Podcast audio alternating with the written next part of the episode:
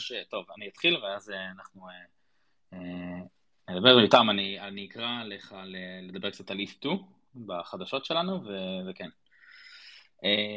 טוב, אז רגע, אני רק אעשה את ההקלטה, ובואו נראה שזה עובד, כן, נראה שזה עובד. טוב, אז שלום וברוכים הבאים. אני חושב שיש כאן כל מיני אנשים גם שהם חדשים. אז ברוכים הבאים למה שיצא וקוראים לו Weekly Web 3, שאנחנו עושים אותו בכל יום ראשון בתשע בערב, פה ב space בטוויטר, ואחר כך אנחנו גם מעלים את הדבר הזה בעצם לפודקאסט בספוטיפיי וביוטיוב. וכן, המטרה של הקהילה ושל ה space הזה זה להנגיש את כל הנושא הזה של Web 3, לנסות לעשות סדר בכל הבלגן. ודבר שאני מאוד אוהב זה לוודא שישראל תהיה Start-Up Nation גם בתחום הזה, למרות כל הקשיים הרגולטוריים וכל הדברים האלה מסביב. אז כן, בחצי שעה הראשונה אנחנו בדרך כלל נעבור על מספר אירועים מאירועי השבוע, לפי מה שחברי הקהילה בחרו בקבוצת טלגרם, ובחצי שעה השנייה אנחנו נצלול לעומק לאיזשהו נושא ספציפי עם דוברים ומומחים בתחום. וכן, אתם מוזמנים להצטרף אלינו לטלגרם ולדיסקורד ולפטפט גם בזמן השידור וגם בין השידורים, וכן, זה נעוץ פה בקבוצה הראשונה, סליחה, נעוץ פה בלמעלה של הספייס, ו... וכן, השבוע יש לנו קודם כל כמה נושאים מעניינים שהקהילה בחרה, ואנחנו נתחיל גם יותר מאוחר עם, גם נעלה לכאן את אדם וגם נעלה לכאן את רן גולדי. שני, ובעצם נגיע לזה עוד רגע, אבל גולדי ידבר בעצם על, על החוויה שלו מתוך ה bear market הקודם, ומה זה אומר.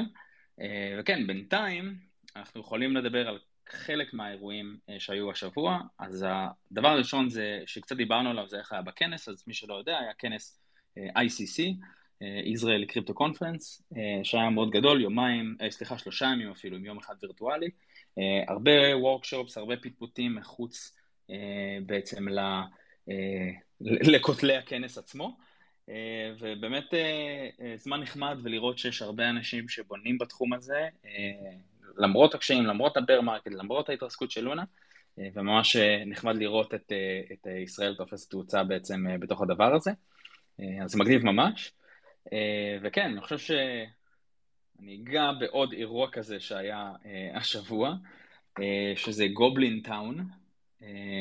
אני לא יודע מי, מי, מי מכיר, מי עקב, אבל בגדול, לפני, נראה לי שזה היה ביום שני שעבר, עלה Twitter Space עם אנשים עם NFT collection של, של גובלינים, ופשוט במשך שעות ב space, שלוש-ארבע שעות, עשו פשוט קולות של גובלינים, שזה אומר כאילו, וכל מיני דברים כאלה. ו... Let's eat. בדיוק, כל, כל מיני שטויות כאלה במשך שלוש שעות. אני חושב שה floor של ה-NFT collection הזה עומד על...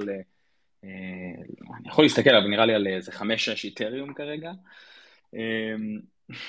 אז זה זה, ואז גם ראיתי היום שוואל קילמר, שהוא שחקן הוליוודי, עשה טוויט על זה שהוא קנה, שהוא קנה בעצם גובלין כזה, וכן, אז ממש טוויטר נחצה לשתיים, חלק מהאנשים אמרו שזה דבר, זה למה ווב שלוש וקריפטו הולך לנצח, וחלק מהאנשים אמרו, end it now, כאילו צריך שכל ה... send it all to zero וזה לא הגיוני. Shut it down. שמה? down. shut it down. אז, כן, כל הדבר. אז כן, פשוט, פשוט הזוי. לא יודע כל כך מה להגיד על זה. אז כן, זה גם איזשהו אירוע שקרה בשבוע האחרון. והאירוע נראה לי שקיבל הכי הרבה הצבעות, בוא נגיד בסקר, זה מה שהיה עם איתריום 2. בעצם היה סוג של ריאורג בביקון צ'יין, וכן, מה שזה אומר בגדול בגדול זה ש... אתם יודעים, כשיש, בבלוקצ'יין יש בעצם שרשרת של, בלוק, של, של בלוקים, ובעצם נכרו כביכול שבעה בלוקים, והיה איזשהו error, מה שגרם בעצם לצ'יין ספליט, ו-reorganization של שבעה בלוקים בעצם, שזה, אם אני זוכר נכון, בערך דקה וחצי באיתריום, השבעה בלוקים בעצם נהיו לא ולידים, והשרשרת התחילה, לא בדיוק התחילה מחדש, אבל, אבל הלכה לפורק בעצם למקום אחר.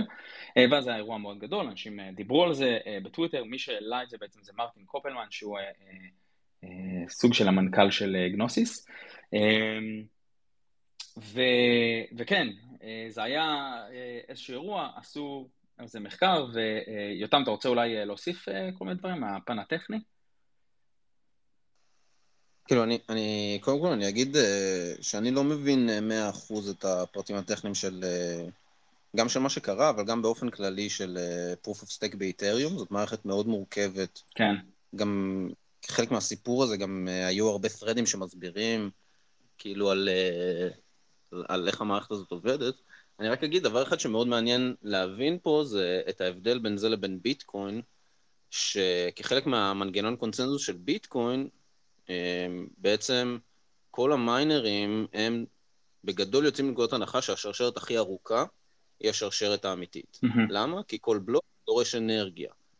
וזה אומר שהשרשרת הכי ארוכה זאת בעצם השרשרת שהשקיעו בה הכי הרבה אנרגיה, ולכן אנחנו רוצים לסמוך עליה, כי זה אומר שאם מישהו ניסה לרמות, זה עלה לו כסף. אמ, וב-proof of stake זה לא ככה, כי ב-proof of stake זה לא עולה כסף לייצר בלוקים, ולכן יכל להיווצר מצב, כי המצב המוזר שנוצר פה בעצם זה שנוצרו שבעה בלוקים, או לפחות עד, ככה, אני, ככה אני הבנתי את זה, יכול להיות שאני, שאני אולי הבנתי לא נכון, אבל לפי הבנתי, כאילו, המצב המוזר שנוצר פה זה שנוצרו שבעה בלוקים, ואז פתאום חזרו שישה, שישה בלוקים אחורה. זאת אומרת, מישהו, מישהו קרא... אה, עשה כאילו mining לבלוק שחוזר שישה בלוקים אחורה, ואז כולם התחילו לעקוב אחרי השרשרת הזאת, אבל זאת בעצם השרשרת הקצרה. כן. אה, אז, אז זה כאילו איזשהו הבדל מעניין ש... אה, כאילו שמודגם פה ב... מבחינת המנגנון של הקונצנזוס. כן, אני חושב שגם לקראת ETH 2, אני חושב שבתקופה הקרובה אנחנו נעשה, נראה לי שאנחנו נעשה פשוט שעה של להסביר קצת על המנגנון וה... ואיך הוא עובד. אמ, הנה גם אה, רועי אני רואה אה, שעולה, אז אני אשמח לשמוע ממנו, אבל יהיה כאן, אה, אנחנו נעשה פאנל שכולו מה זה אומר if to, וגם שלחתי בקבוצה שרשור בעצם שעובר כזה קצת על ההבדל בין המנגנון קונצנזוס לצורך העניין של proof of stake בין כל רשת אחרת, אם זה טנדרמינט או, או, או פולקדוט לבין איתריום, שבעצם העיקרון קונצנזוס של איתריום הוא הרבה יותר עמוק ומסובך, אה, בוא נגיד זה ככה, ואנחנו, וכן, אנחנו נעשה איזשהו משהו מעמיק יותר, אבל אה, בינתיים רועי, יש לך עוד משהו להגיד? כן, מהבחינה, בהתחלה זה באמת, האזור הזה נראה מאוד מדאיג, וחשבו שאולי הצליחו לעשות איזושהי התקפה.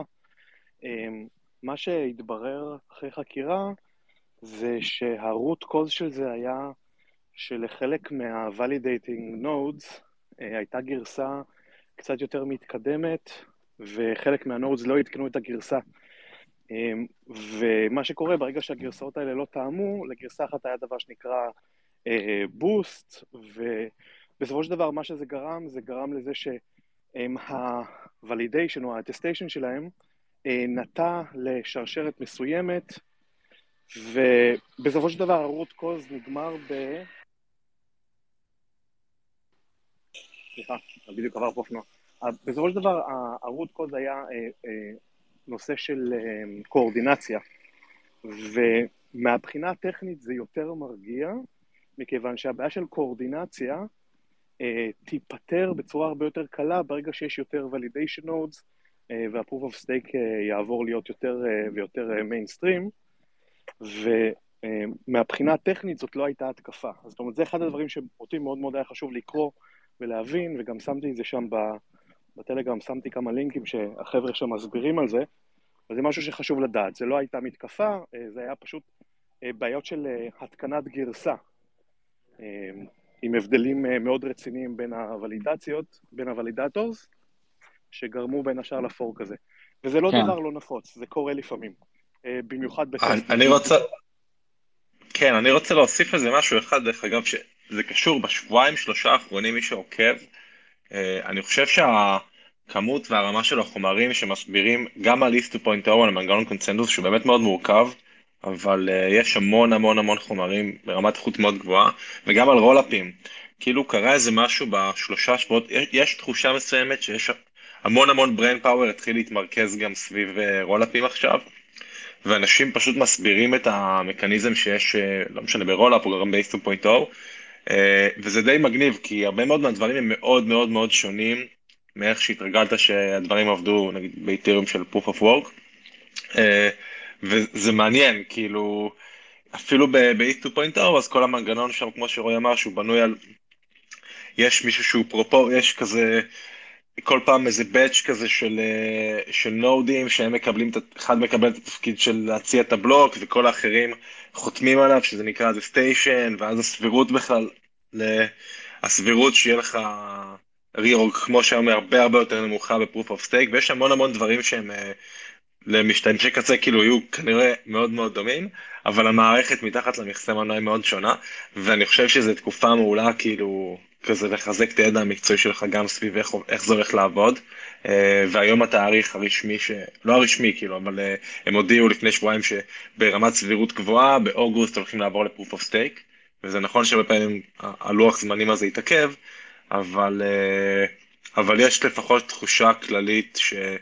אה, שזה יקרה השנה, ברמת סבירות מאוד גבוהה, וזה חתיכת אירוע. אה, וגם רולאפים, כאילו, אני חושב שזה גם תקופה ממש ממש טובה עכשיו, במיוחד שמתחיל bear market ויש פחות רעש של NFT וכל מיני פרויקטים, לחזק את הידע המקצועי סביב הדברים האלה.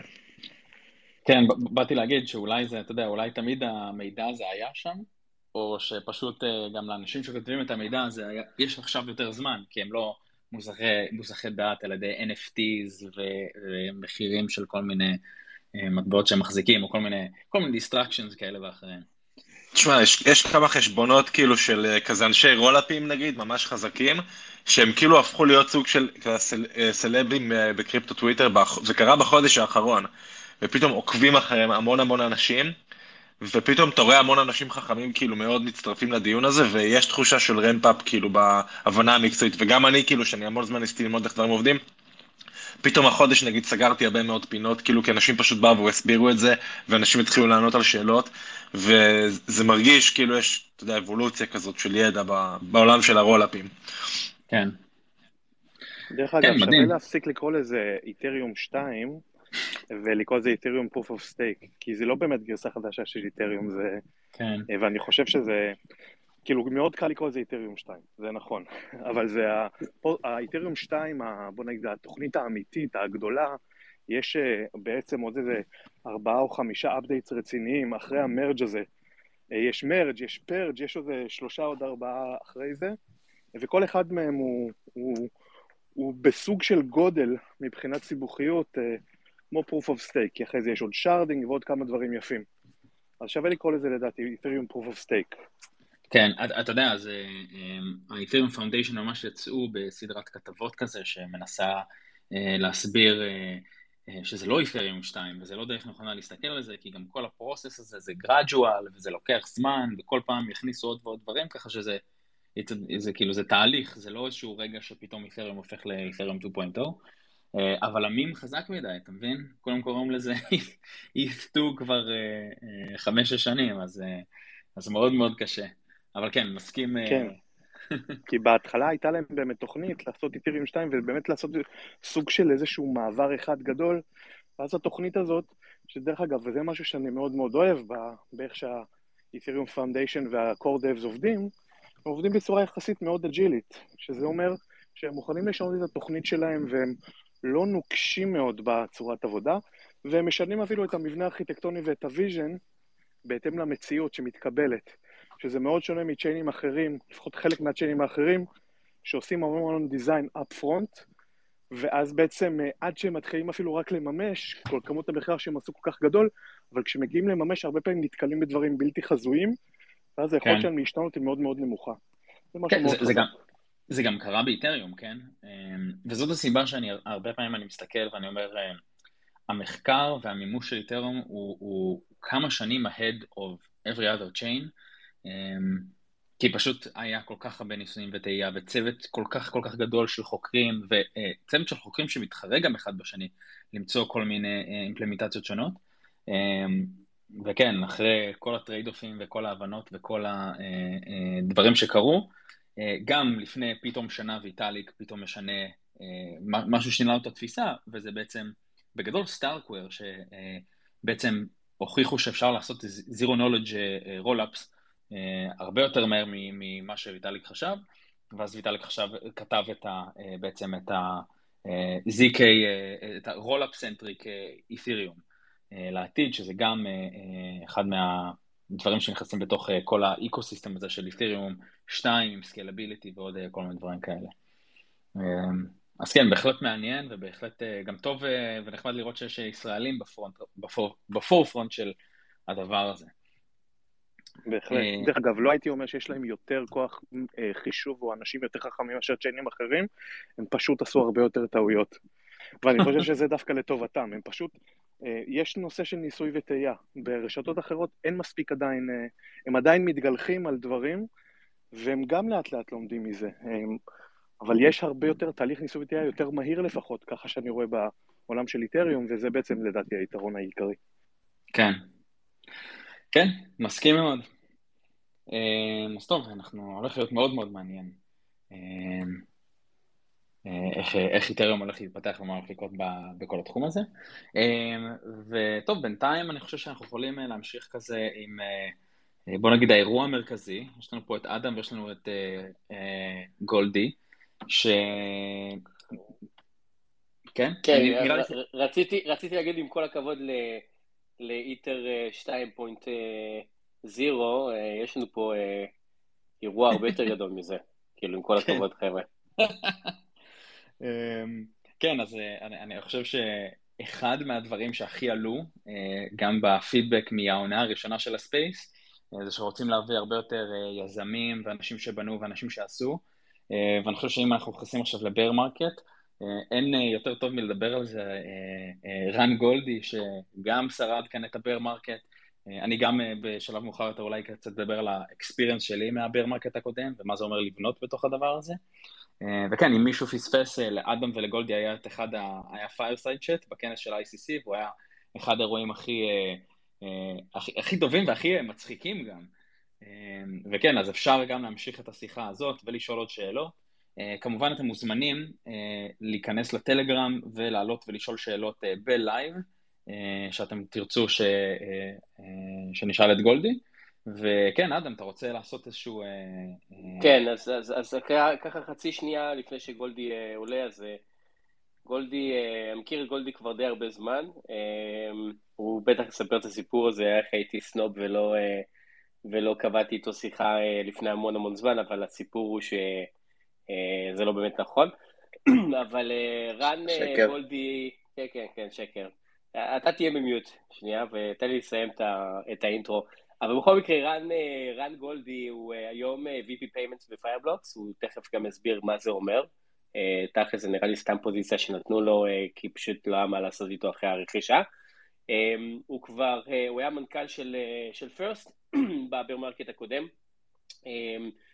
היו הכוכבים ו-the new uh, and the coolest kid in the block, ובלב ה bear market הם גם פיטרו 90% מכל האנשים, עשו איזה pivot אחד או שניים, uh, בהצלחה רבה, uh, ובאיזשהו שלב גם נרכשו ידי Fireblocks, ו...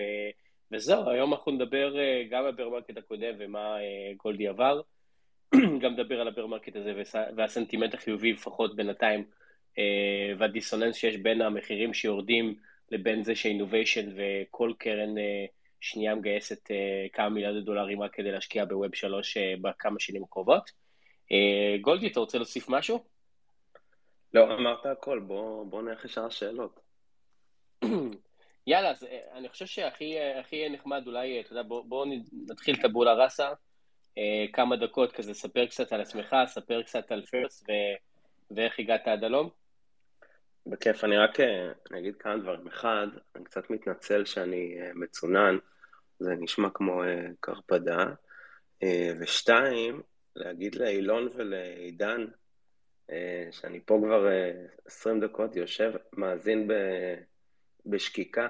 חייב להגיד שלא שמעתי פודקאסט, לא פודקאסט, space, אני אגיד, סליחה, יצאתי boomer, space, כזה, לא יודע, מדויק לפני זה, על Web שלוש, גם מצד אחד טכני, גם בגובה העיניים, אהבתי מאוד, זה ממש אה, אה, כיף שהזמנתם אותי, כיף להיות פה. וולקאם, תבוא כל שבוע.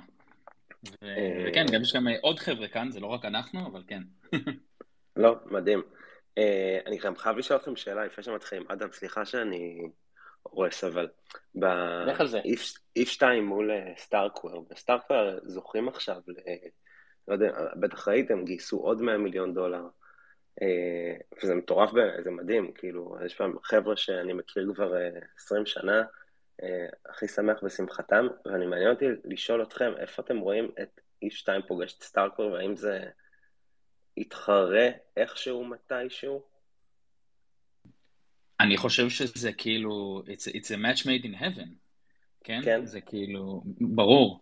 זה, זה, זה כאילו, זה בדיוק המאמר הזה שוויטליק כתב, שבהתחלה אה, המחשבה הייתה ש scaling יהיה אה, בצורה כזאת של אה, כל מיני אה, chain ים, שאחד יהיה לו data availability ואחד יהיה לו משהו אחר ואחד יהיה לו משהו אחר, ואז ככה אתה תוכל בעצם להגיע ל scalability של Ethereum, ואז הגיע העניין של Zero Knowledge Proofs, אה, ו-ZK שאתה יכול בעצם בגדול להוכיח שבתוך אה, מגה בייט של דאטה, שיש לך, אה, לא יודע, 100 מגה בייט של טרנזקציות, ולעשות לדבר הזה commit on chain, ולתמיד להוכיח אותו, וזה, וזה כן, זה כאילו נותן, זה, זה כמה מימדים של scalability שהולך לקרות בעצם בבת אחת על Ethereum 2. אוקיי, עידן, לא יודע אם אתה רוצה להוסיף משהו. אני אגיד אה, ממש בקצרה, כי אני חושב שעדיף, בא לנו לשמוע אותך, אבל אה, אני, כן, אני חושב שהם הם, הם לא מתחרים והם גם לא אמורים להיות, תיאורטית לפחות, אתה יודע, עם הטכנולוגיה של, ה, של ה-ZK rollup, הם לא אמורים להתחרות, אבל הם כן אמרו שהם יהיו אגנוסטים כאילו ל chain ים אחרים. אני חושב שאם היית מקשיב בשנה האחרונה לתקשורת שלהם לאורך זמן, אז הם כזה תמיד אמרו שאנחנו חברת טכנולוגיה, והם כאילו מאוד היו לא מחויבים ל Ethereum. וכל ה StarkNet וה StarkEx, הכל על Ethereum, אני חושב שזה די כאילו נהיה נרטיב מתישהו בין חצי שנה לשמונה חודשים האחרונים. אמ, ולדעתי התוכנית שלהם, ואני לגמרי מנחש עכשיו, הייתה כאילו לעשות משהו שהוא מאוד מאוד אגנוסטי כאילו לכל אה, Web 3, בלוקצ'יין וזה, אבל אני חושב שהיום אם אני צריך לנחש, אה, אני אנחש שהם הולכים להיות רק על איתריום, אתה יודע, בשלוש עד חמש שנים הקרובות. אה, אני חושב שמה שקרה כאילו עם טרה הוכיח שבלוקצ'יין זה הם, הם, זה חיה שאפשר להתקיף אותה, והכמות כסף שיש לשחקנים בתחום להתקיף רשתות היא כבר מאוד גדולה, והיא כנראה תהיה הרבה יותר גדולה בשנים הקרובות, ואז אתה יודע, זה מאוד מאוד הגיוני לקחת את, ה, את Ethereum, שיש לו את ההבטחה הכי גבוהה מבחינה כלכלית, שצריך הרבה כסף בשביל לתקוף את הרשת, אה, ולהשתמש ב security שלו ולעשות execution רק על rollup. וכאילו, אז, אז לדעתי הם הולכים להישאר על Ethereum, נראה שהם בנישה מאוד מאוד נוחה, כאילו גם יש להם את StarkNet וגם DYDX שהם יושבים על StarkEx, שזה סוג של instance כזה של, של הרשת שלהם, שאפשר לעשות אותו ספציפי לאפליקציה. אני רואה אותם הופכים להיות סוג של חברה כזאת שהם אה, הם כאילו יבנו את StarkNet ואז הם יעזרו לך, למי שרוצה לבנות אפליקציה, להרים איזה instance של StarkEx ולעשות את זה מעל, אבל עוד פעם זה קצת חפירות עכשיו אז אה, אולי אני אעזוב את זה, אבל אני חושב דרך אגב שהשאלה הכי מעניינת היא כאילו, איפה הם עומדים אל מול ה optimistic rollups. וזה כאילו משהו שהזכרתי קודם, שהרבה מדברים עכשיו בטוויטר וזה, זה מאוד מאוד היה בשבועיים האחרונים בטוויטר. המון המון אנשים מנסים כזה לפענח אה, למה יש יותר סיכויים להצליח, מה יותר טוב במה, כאילו האם העתיד הוא כזה multi rollup, האם StarkEx יקחו הכל, האם Optimism, Arbitrum, לא יודע, כאילו, וזה מאוד מעניין כי אני לא חושב שאף אחד עדיין ממש יודע ועוד אין איזשהו קונצנזוס לגבי זה. אה, זהו. החדשות הטובות הוא שבכל הדבר הזה זה שזה חדשות מעולות ל Ethereum. כל, ה, כל החברות האלו אה, בונות ומתחרות ובסופו של דבר מביאות אינוביישן אה, אה, די אדיר. זאת אומרת, אנחנו נמצאים בעולם, איתריום היה, הייתה חיה אחרת לגמרי ב-2017. והיום אנחנו נמצאים במקום כזה שאני חושב שסקליביליטי זה כבר לא מילה רעה או מילה גסה. וזהו, זה יהיה מדהים לראות מה יהיה בעוד שנה-שנתיים. כן, אז אני רק אגיד, עידן, אני חושב שאתה הסתכלת על הכיוון הלא נכון, והנה רגע, גולדי מבקש לדבר אה, אה, שוב, אבל ה ZK אה, rollups, ההטמעה הבאה הולכת לדעתי להיות על ביטקוין. לא על, לא על רשת smart contract אחרת. טוב, אני מרגיש ששאלתי פה שאלה. אני חושב שזה marketing, אבל... לתת להם אצבע, לוקחים את כל היד. כן, אין מה לעשות. ממש. טוב, רגע, בוא... גולדי, בוא נשאל אותך כמה שאלות. צריך לעשות rename לוויקלי לחפירות בעם. כן. אבל רגע, תנו לו, תנו לו קודם כל לעשות introduction, הוא לא, אה, הוא ישר הלך ורץ... גולדי? אה, סליחה, אני אסביר. אה, אז, אז תודה שאתם מארחים אותי ב space. אני גולדי, אני בן אה, 38, גר בכרם מהר"ל, אז אדם, הצגת אותי בכנס בתור גר בתל אביב. אני שמח שחמקתי מהאתר בנייה בשנים האחרונות. אני אעשה ריפליי לפחות או יותר לאותו דבר שאמרתי בכנס, כי נראה, אדם, שזה עבד לנו שם. אז אה, אני מה ש... אה, או יותר אפשר לקרוא לו יזם סדרתי, שבראש שלי זה בעצם הרי כישלון סדרתי, כי אם אתה יזם ממש טוב, אז יש לך בערך על סטארט-אפ אחד, ואתה, אוקיי, מרק צוקרברג, 100 מיליארד דולר, לא צריך לעשות עוד סטארט-אפים, אבל אה, לא, ברצינות, אני פשוט מאוד מאוד אוהב ליצור, לבנות, אני עברתי את אה, מסלול החנונים הרגיל בישראל, אה, שזה להיוולד אה, חנון בפריפריה, אה, להרכיב מחשבים בשכונה, לקבל מכות רוב הילדות, ואז להתגייס לאיזו יחידה טכנולוגית, במקרה שלי זה היה 8200, אה, ואז לצאת לביצת הסטארט-אפים הישראלית, הכיפית, אה, שכולנו שוחים בה ביחד. אה, היה לי חמישה אה, סטארט-אפים אה, כושלים, אה, כמובן כשאני מציג את זה לקרנות אמריקאיות, אז מדובר על אה, five learning experiences amazing that I've learned so much from, אבל... אה, Amazing. amazing experiences, there's nothing like failing.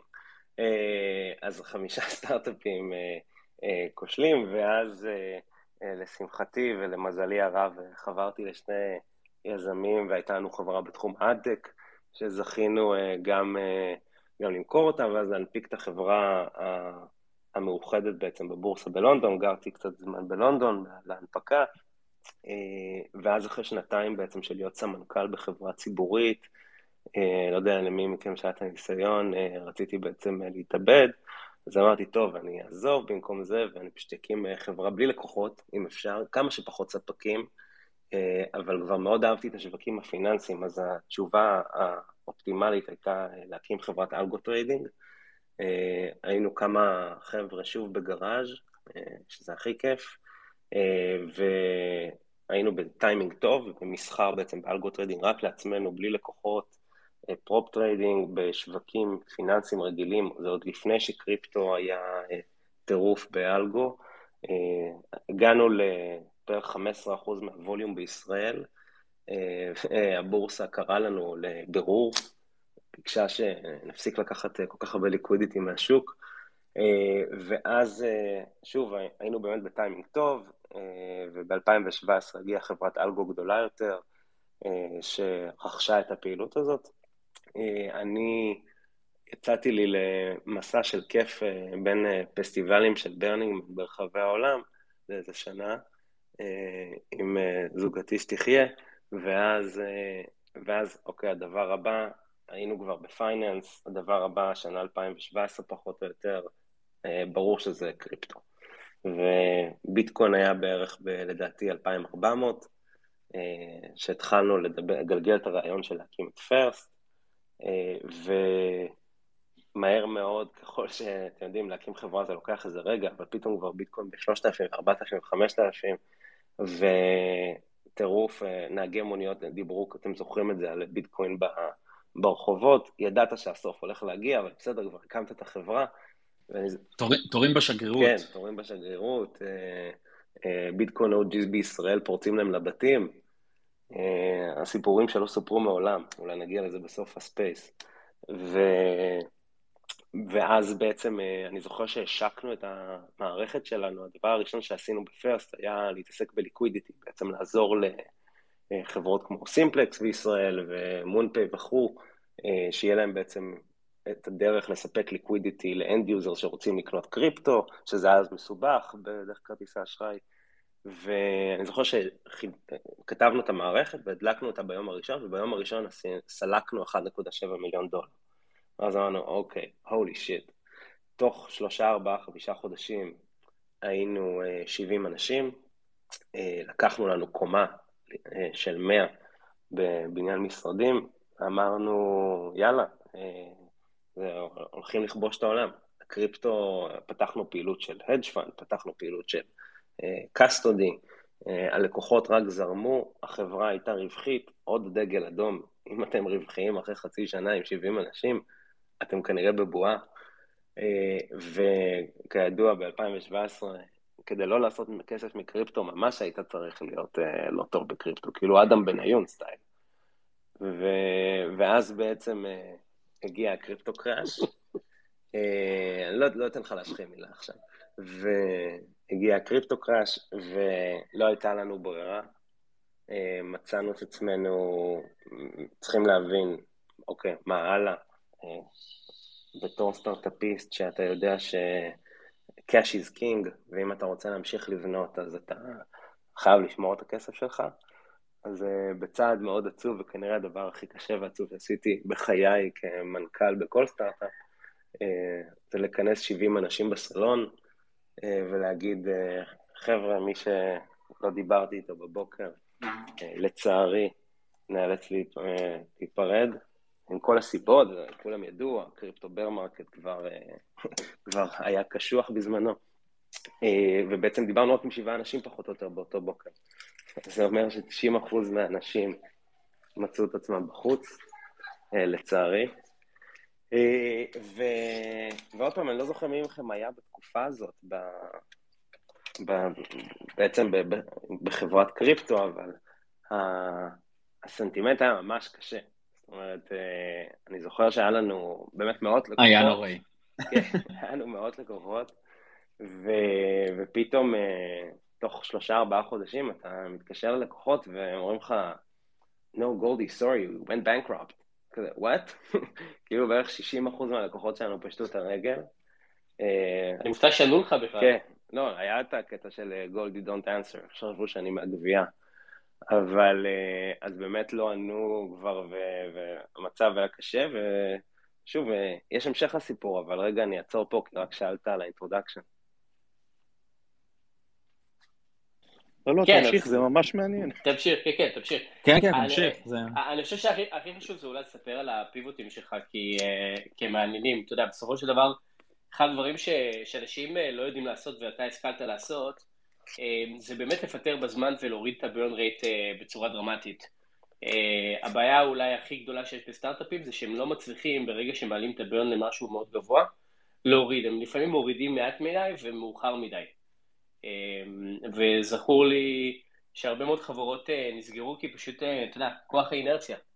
אה, אז, אז קודם כל, thumbs up, ו, ותספר, אתה יודע, איך אחרי זה עשית שתי פיבוטים או פיבוט אחד וחצי, ואתה יודע, ואיך הגעת בסוף לפיירבלוקס. כן, לא, זה, אתה צודק, זה, עוד פעם, זה, זה מאוד קשה, אני חושב שכנראה בסטארט-אפ הראשון והשני שלי, שעוד פעם, זה היה זמנים אחרים, אה, כאילו, אני לא, לא רוצה להישמע זקן מדי, אבל ב-2007, כשאתה עושה סטארט-אפ, אז המונח פיבוט הוא, הוא ווירד, כאילו, או שאתה עושה את זה עד הסוף, או לא, וזה, אתה בכלל לא בקטע של לין, כי לא יודע אם אתם זוכרים, אבל ב-2007, אם היה לך שרתים, אז אה, שעליהם רצים התוכנה שלך, אז אשכרה היה לך שרתים, כאילו, או שהם היו במשרד שלך, או שהיה חדר איפשהו שאתה יודע שאתה שלחת לשם את השרת, כי לא היה AWS, וכאילו לעשות פיבוט, לרוב פשוט לסטארט-אפים לא היה... ההבדל, אה, כן, קל. אבל ההבדל גם שזה... עוד פעם, זה לא הנושא. אה, כן, ההבדל ב-2007 אגב זה שגם לא היה, לא היה, אה, לא הייתה תרבות. אז בזמנו סטארט-אפ, פאונדרים לא דיברו עם פאונדרים, לא, לא היו כתבות על איך עושים pivot, ואתה יודע, איך עושים הרבה מאוד דברים, והיום אני חושב שאתה יודע, הרבה מאוד דברים האלה כבר commodities, אז הרבה יותר קל אה, ליזמים, אה, אתה יודע, לקרוא איזה כמה כתבות, לדבר עם כמה אה, משקיעים ויזמים, זה... מה שצריך לעשות. אני אגיד, כנראה חלק מכל דרך של סטארט-אפ פחות או יותר. לגמרי. אז, אז, אני, אז אני אמשיך את הסיפור. אז, אז באמת פיתרנו את האנשים, וזו הייתה תקופה מאוד uh, מבלבלת מן הסתם. אתה מצד אחד מאוד פאשונט לגבי הדבר הזה שנקרא בלוקצ'יין, כי באמת, אני לא צריך להסביר לאף אחד כנראה שנמצא פה, אבל כאילו מספיק שפעם אחת אתה עושה העברה רגע מארנק לארנק ואתה כזה הולי שיט, ואתה אומר אוקיי זהו זה ישנה את העולם, ואז אתה חופר עמוק יותר ברביטול, ואי אפשר אחרי שהרצת חברה ו... והיית בתחום הזה ועוד יש לך כסף גם בקופה, אתה לא פשוט אומר טוב fuck blockchain, בוא נעשה, לא יודע, cyber security, כולנו פה מ-8200 גם ככה, זה לא. כי אתה כבר, אתה, אתה מכור. ו, וזה לא היה קל, היה לנו שלושה חודשים שבהם עשינו המון חשבון נפש על מה עבד ועל מה לא עבד, ויש לנו, באמת יש לנו מצגת מאוד גדולה לזה, אני חושב שאדם פעם הצגתי לך אותה, של lessons learned ו, ודברים כאלו, נשמור את זה לאיזה סשן אחר.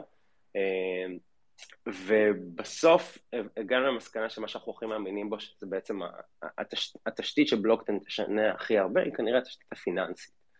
ואם לשם, בזה אנחנו מאמינים, ואנחנו לא רוצים לעבוד עם בנקים, אז, אז, אז בואו בוא ניקח את זה לעולם של, של payments, שאנחנו מאוד אוהבים, ו, ומאוד התחברנו גם לדברים שעשינו טיפה לפני זה בליקווידיטי, והתחלנו להתפקס על עולם ה payments, ואז אני זוכר שממש שבועיים אחרי שהחלטנו שזה הפוקוס, מישהו הדליף לנו שפייסבוק מתחילים uh, להסתכל על הנושא. Uh, התחלנו לעקוב אחרי פייסבוק, שזה אומר uh, להסתכל על ה-hired ads שהם מפרסמים ועל titleים של אנשים בלינקדאין שמשתנים. עשינו כזה ממש בוטים שסורקים את זה, ולאט לאט התחיל uh, להיות לנו סוג של אורג צ'ארט מהדבר הזה, והבנו מי עומד בראש. הבלוקצ'יין פרויקט, לא ידענו אפילו איך לקרוא לזה, אה, ואחת האקזקיוטיבס האלה שזיהינו, אז הייתה בחורה בשם מורגן בלר, אה, שהיא בעצם אחת הפאונדריות של מה שנקרא יותר מאוחר ליברה, ושינה את השם ל-DM, אה, אותו פרויקט כושל, שאומנם שינה המון דברים בעולם, אבל לא ראה את אור היום עדיין. ובכל אופן, אז ראינו אותה רושמת טוויט שהיא טסה לכנס קריפטו בגרמניה. מדהים, ברור שקניתי כרטיס מיד לגרמניה, התקשרתי לכמה אנשים בפייסבוק עד שהצלחתי למצוא את הבן אדם המסכן שיברר לי באיזה מלון היא ישנה, אה, וחיכיתי לה בלובי ארבע שעות עם אה, תמונה שלה שמצאתי אונליין אה, בתוך ספר, וכשהיא נכנסה בעשר בלילה, אני זוכר את זה, עם עוד איזה שני משקיעים, אחד מגלקסי ושני לא זוכר. אמרתי, היי מורגן, מה קורה? אני גולדי מישראל, אני יכול לעזור לך עם your stablecoin project, even though I know you don't know me. Like, מה? Uh, um, can you give me some personal space, sir? והיא לא קרא להבטחה. איזה קלאסי ישראלי אה, שתוקף אדם בגרמניה, יכול להיות שזה נכון. אה, ואז נהיינו חברים טובים. כמובן, ולאחר מכן, long story short, נהיינו החברה מאחורי הקלעים שפיתחה בעצם את ה... payment protocols לכל הפרויקט הזה של פייסבוק ועוד המון דברים אחרים בתוך האקוסיסטם הזה של DM וליברה, וזכינו לעבוד עם אה, כל החברות שב-association הזה שהם הקימו, שזה ספוטיפיי ושופיפיי ו Lyft ו Uber ו Checkout.com וכדומה, אה, וככה בעצם גם יצרנו סיטואציה שבה כסטארט-אפ אנחנו עושים professional services לפייסבוק, שזה מימן לנו הכנסה של מיליונים לאורך שנים, וגם בצד השני פיתחנו את המוצר שלנו, אה, שזה מערכת בעצם ל-pay-ins ו-pay-outs בקריפטו, שעוד נדבר על זה אחר כך, אבל חשוב לי להגיד, זה אחד הדברים שסטארט-אפים הכי מתקשים בו בעצם, אה, או לא סטארט-אפים, חברות בכל מיני, אם הם עושות professional services, איך לעשות מוצר, או אם עושות מוצר, האם להיכנס ל professional services, אה, זה, זה דרש המון משמעת, לא uh, לשים את כל הצוות כל הזמן על, על פייסבוק, ובסוף איזה עוד לקוח אתה רוצה שישלם לך חוץ מפייסבוק, uh, אבל בנינו את המוצר שלנו ובעצם התחלנו לעבוד לאט לאט עם עוד chains כמו Celo, ואז עם USDC ועם Paxos, ומצאנו את עצמנו פחות או יותר, ב, אני אגיד, קדמת הבמה של החברות שמתעסקות ב payments uh, בעולם הקריפטו. ואם ב-2019 כששאלו אותי אה, גולדי, מה קורה עם First? סגרתם? אז אמרתי לא, לא, עשינו פיבוט. אה, באמת, למה? אה, ל payments. אה, טוב, בסדר. אז ב-2019 התגובות היו אה, ממש צוננות עד לכדי, חבל שלא סגרת. פתאום 2020 הגיע ו-2021, ואתם יודעים שהקריפטו היה אולי אחת התקופות הכי טובות שלו. Uh, כמובן שאנחנו מכרנו את הביטקוין האחרון ב balance sheet שלנו בסוף 2019, כדי שלא יהיה לנו uh, ביטקוין על ה balance sheet לפני שאנחנו נכנסים לעולם שהוא super regulated. אין החלטה גרועה מזה, כי ביטקוין עשה את הזינוק הכי גדול שלו ever, אבל uh, ב-2021 הקריפטו בשיאו, אבל גם ה finance והפינטק בשיאו. ובעצם שני הוורטיקלים האלה נפגשו בצומת שנקראת crypto payments, והיום אתם רואים חברות כמו Visa ו Mastercard ו Stripe ו Checkout וכל חברה שמתעסקת ב payments ברחבי העולם מדברת כבר קריפטו, וכולם עושים שיתופי פעולה עם Circle וכו', ומצאנו את עצמנו בצומת הזו, שפתאום אחרי שלוש שנים של עבודה קשה על אותו פיבוט, יש לנו חמש הצעות רכישה פתאום ביד. מה שבהתחלה חשבנו שהוא בדיחה מחברה בינלאומית שבסוף קנתה פה חברה אחרת, חברה בינלאומית ציבורית, לא ננקוב בשמה, פתאום זה הפך לעוד הצעות, ואז הבנו, אוקיי, בוא, בוא רגע נחשוב על זה. זו עוד נקודה שכיזם אתה, אתה נתקל בה ואתה צריך להבין, אוקיי, אני, אני מוכר את זה, אבל אם יש פה חמש הצעות, כנראה שאנחנו לא מטומטמים, נכון? אנחנו עושים משהו נכון. אז משהו שחמש חברות מוכרות שלום עליו המון כסף. ואז פה אני, עוד פעם, אני מדבר פה בשיא הכנות, כמובן, כי אני לא מכיר אף אחד מכם, ש... חוץ מתאדם, שבעצם המחשבה שלי הייתה, הייתה ככה, בעוד שיש הרבה הצעות, יש כמה הצעות לרכישה, וזה מזל ענק, כשאני מסתכל על עולם ההשקעות, אני כנראה לא יכול לגייס יותר מ-50 מיליון דולר כרגע. 50 מיליון דולר זה המון, מדהים, זה כסף להריץ את החברה אין סוף, או שנה, תלוי באיזה שוק אתה, אבל ב... כשאתה מסתכל על החברות שרצו לרכוש אותנו, אז אתה אומר, אוקיי, היא גייסה 800 מיליון, והיא גייסה מיליארד, והיא גייסה 700, והן כולן נכנסות לתחום שלנו. בין אם אנחנו עכשיו נרחש על ידן או לא, הן ייכנסו לתחום הזה, בדיוק מה שאנחנו רוצים לעשות. ואז אתה אומר לעצמך, אוקיי, אני, אה, עשינו את הטרנראונד המטורף הזה לחברה, אנחנו במקום שבו אנחנו יכולים להגיד שבנינו משהו, שאנחנו יכולים לתת למשקיעים גם החזר וגם תשואה, אה, ואנחנו יכולים לקחת את מה שבנינו ולהמשיך אותו בתוך חברה אחרת גדולה, ואז השאלה איפה. ומתוך החמש האלו, Fireblocks, אה, בסוף הייתה ברירה, אני אגיד, מאוד, אה, בחירה מאוד טבעית. שלושת היזמים של Fireblocks, אם אתם מכירים, מיכאל שאולוב, עידן עופרד ופאבל ברנגולד, הם, הם, אני מכיר שניים מהם כבר בערך 20 שנה, ומיכאל ופאבל, ואת עידן איזה חמש שנים, הוא היה ב Orbs לפני זה. הם גם אנשים מדהימים, אבל גם, הם, שניים מהם לפחות הם, הם חברים. וכשאתה נכנס ל... נניח והיינו נרכשים על ידי corporate אמריקאי, אני לא בטוח שהיו לי חברים. היו לי colleagues, היו לי peers, אבל אם אני רוצה לרוץ קדימה ולא לא לחשוש מפוליטיקה ארגונית ברמה קשה, ועוד פעם, אני באמת רוצה לרוץ קדימה. אני, אנחנו לא היינו בתחושה שבוא נמכור את זה ב-100 מיליון דולר ו, ונלך לים, אלא יש פה עוד עבודה לעשות. אז, אז פיירבלס הייתה בחירה מאוד טבעית. אני אגיד שאני לא, אנחנו כבר ארבעה חודשים אחרי, איכות החיים שלי לא, לא השתפרה אם מסתכלים על שעות שינה ושעות עבודה, אבל רמת הכיף והפוטנציאל של מה שאנחנו עושים הוא מדהים. אם לפני זה היינו צריכים להידפק דלתות של חברות, אז היום אנחנו עובדים עם הסולקים הגדולים בעולם, בעולמות ה payments וחברות התשלומים הגדולות בעולם והבנקים הגדולים בעולם, ויצא לטובה. The end. גולדי, יש לי שאלה קצרה מאוד. תגיד, זה, זה היה קונצנזוס שלם? זאת אומרת, זה היה פה אחד להיבחר, או שהיו היו לכאן או לכאן, היו, היו משקיעים שהיו נגד וחשבו שאולי עדיף לך כאילו להמשיך? תראה, אני אחלק את זה ל... זה נראה לי איזה שלוש קבוצות. אה, היו את המשקיעים שהתקשרתי אליהם ואמרו לי, אה, החברה עוד בחיים? וואו, כל הכבוד. אה, כן, לא, ברור, תמכור. אה, זה היה קבוצה אחת. אה, הייתה את, את הקבוצה שליוותה אותנו הרבה, והם פשוט היו מלאי הערכה בזה שהמשכנו אה, ולא ויתרנו לרגע. אה, והיה אה, משקיע אחד, האמת, שאמר, זהו, זורקים את המגבת, נכנעים, ו... אבל בסדר, יש גם כאלה. גדול. כן, תמיד יש כאלה. אני רואה פה את פרצ'יק, אני מת לשאול אותו בקהל, כמה פעמים אתה סירבת להצעות לנידו, ו... והאם היה לך תגובות מוזרות ממשקיעים? לא יודע אם מותר לי. כן, לא, אפשר, אני אנסה להעלות אותו. פרצ'יק הוא אה, מאזין אה, לא קבוע, אבל הרבה פעמים אה, אנחנו רואים אותו כאן. נראה, נזמין אותו לדבר, נראה אם הוא יעלה.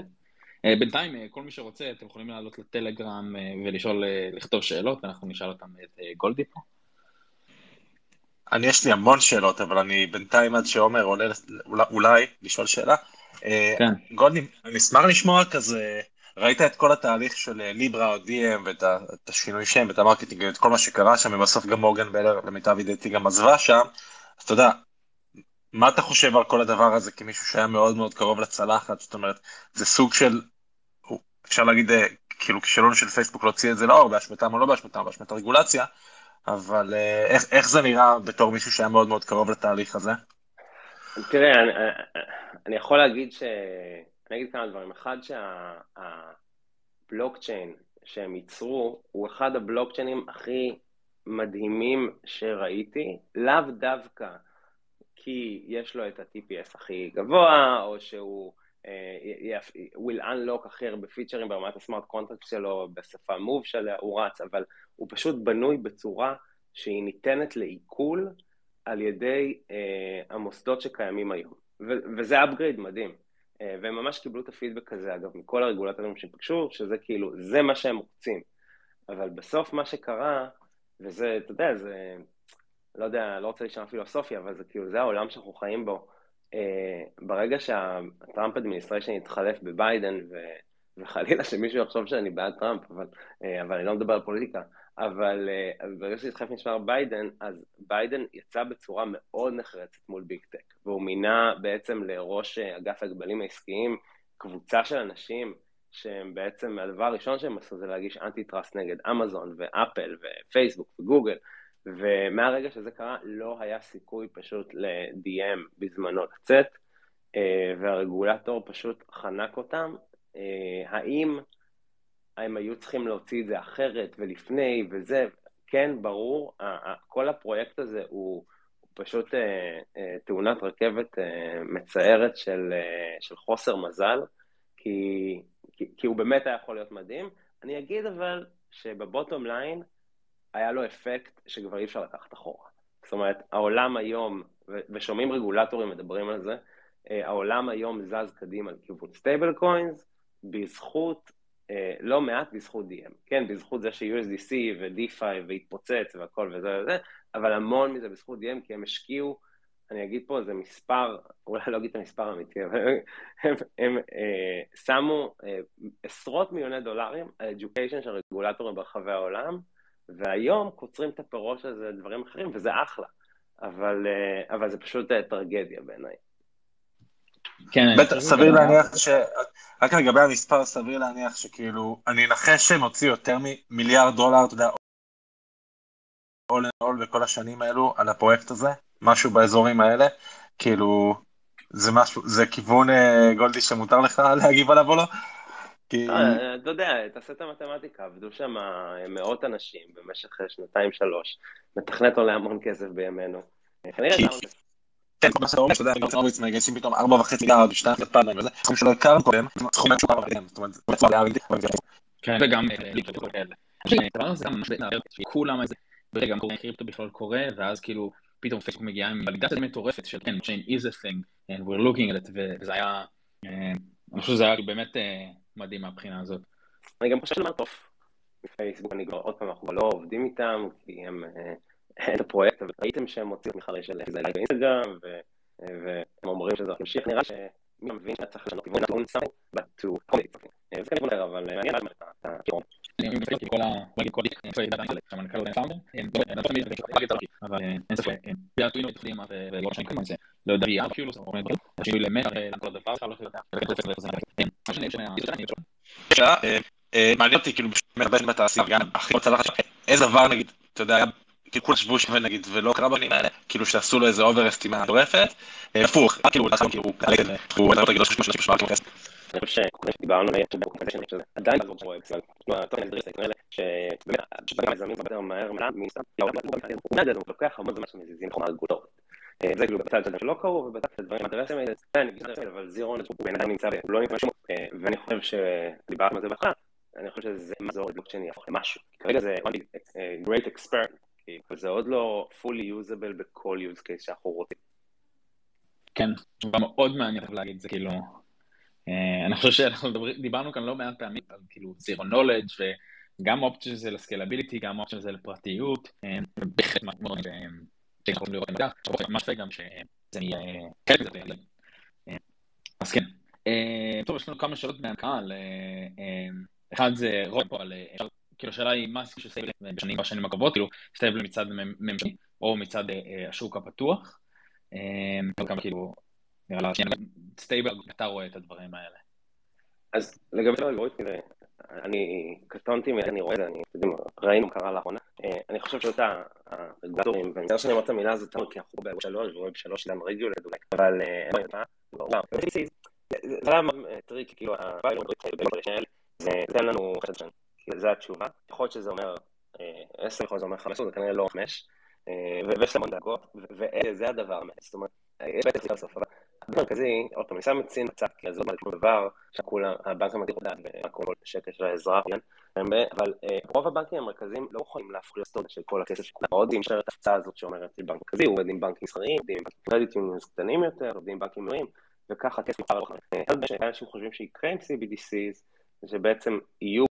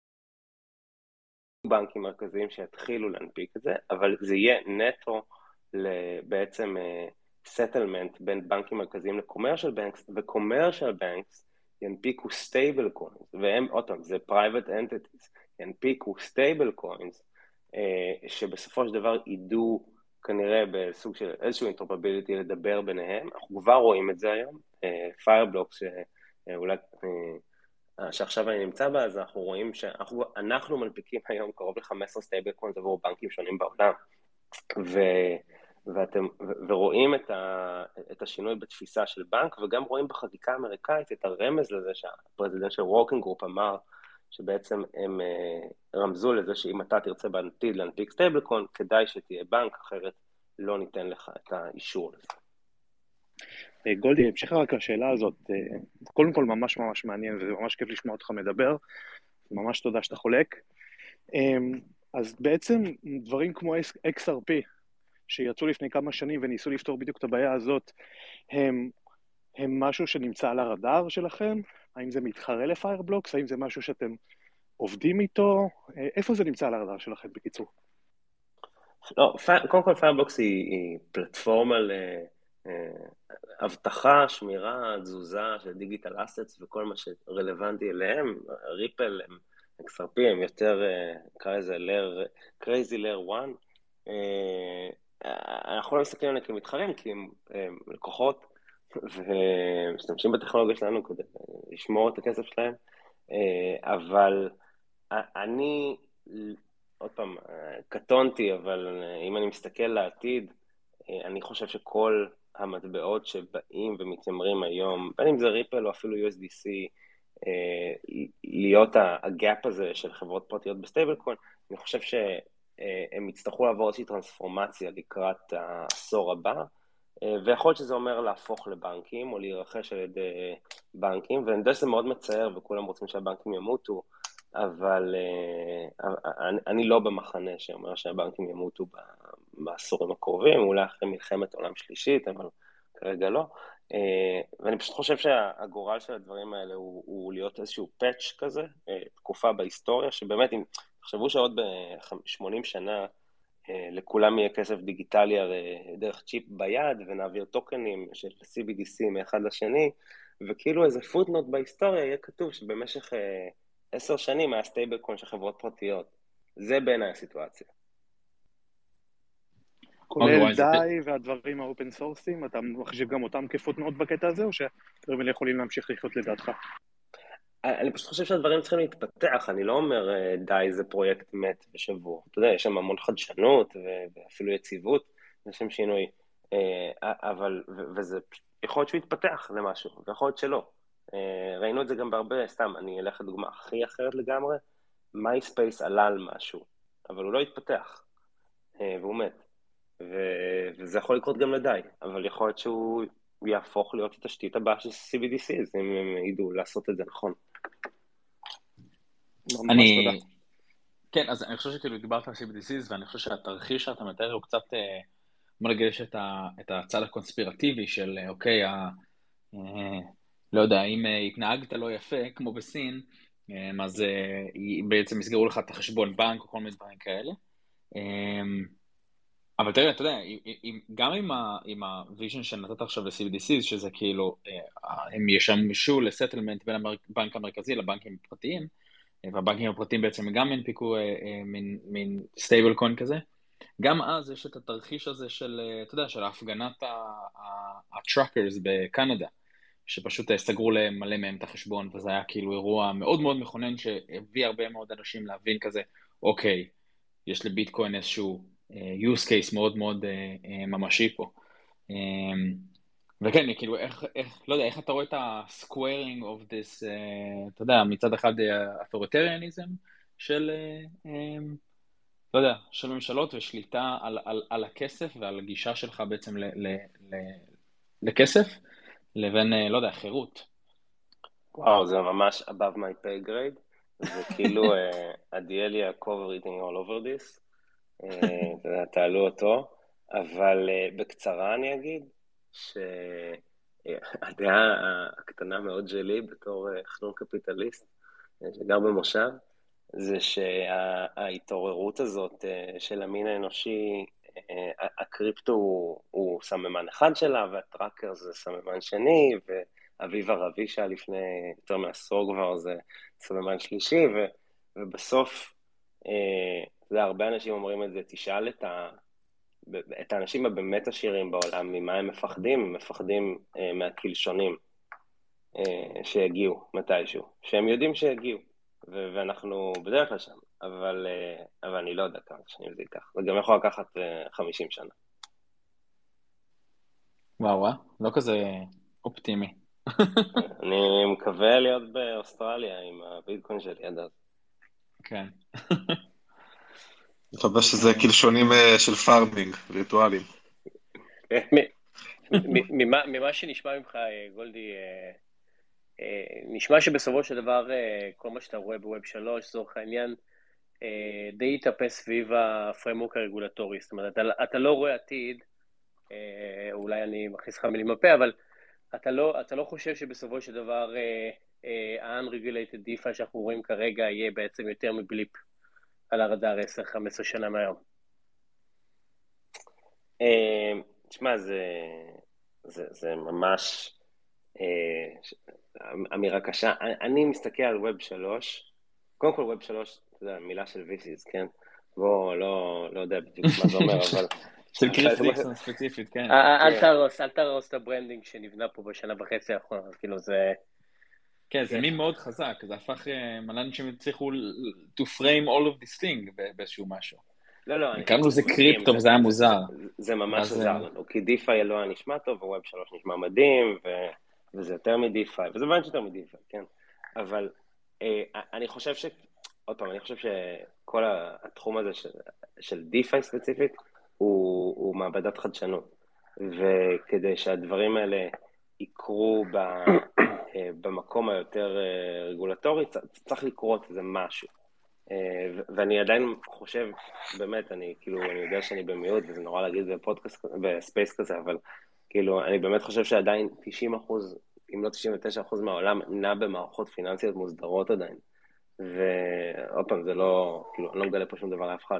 וכדי שכל האינוביישן המדהים הזה יזלוג פנימה, פשוט צריך לקרות משהו. זה לא שאני לא חושב שיש לזה עתיד. אני עוד פעם, אני בדעה ש- things could evolve, אה, השאלה כמה חזק נלחץ. ותשמע, אנחנו לוחצים חזק. כן, אה, אה, אני לא חושב שאתה במיעוט, אני חושב שאני די בדעה שלך, אני, אני מסתכל בכלל על עולם הקריפטו כסנדבוקס, שבו אפשר לעשות הרבה מאוד דברים.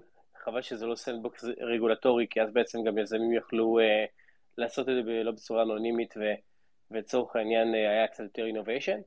אבל אני כן חושב שכדי לאפשר אה, לשחקנים קטנים יותר ויזמים, אה, ולהוריד, אתה יודע, את ה...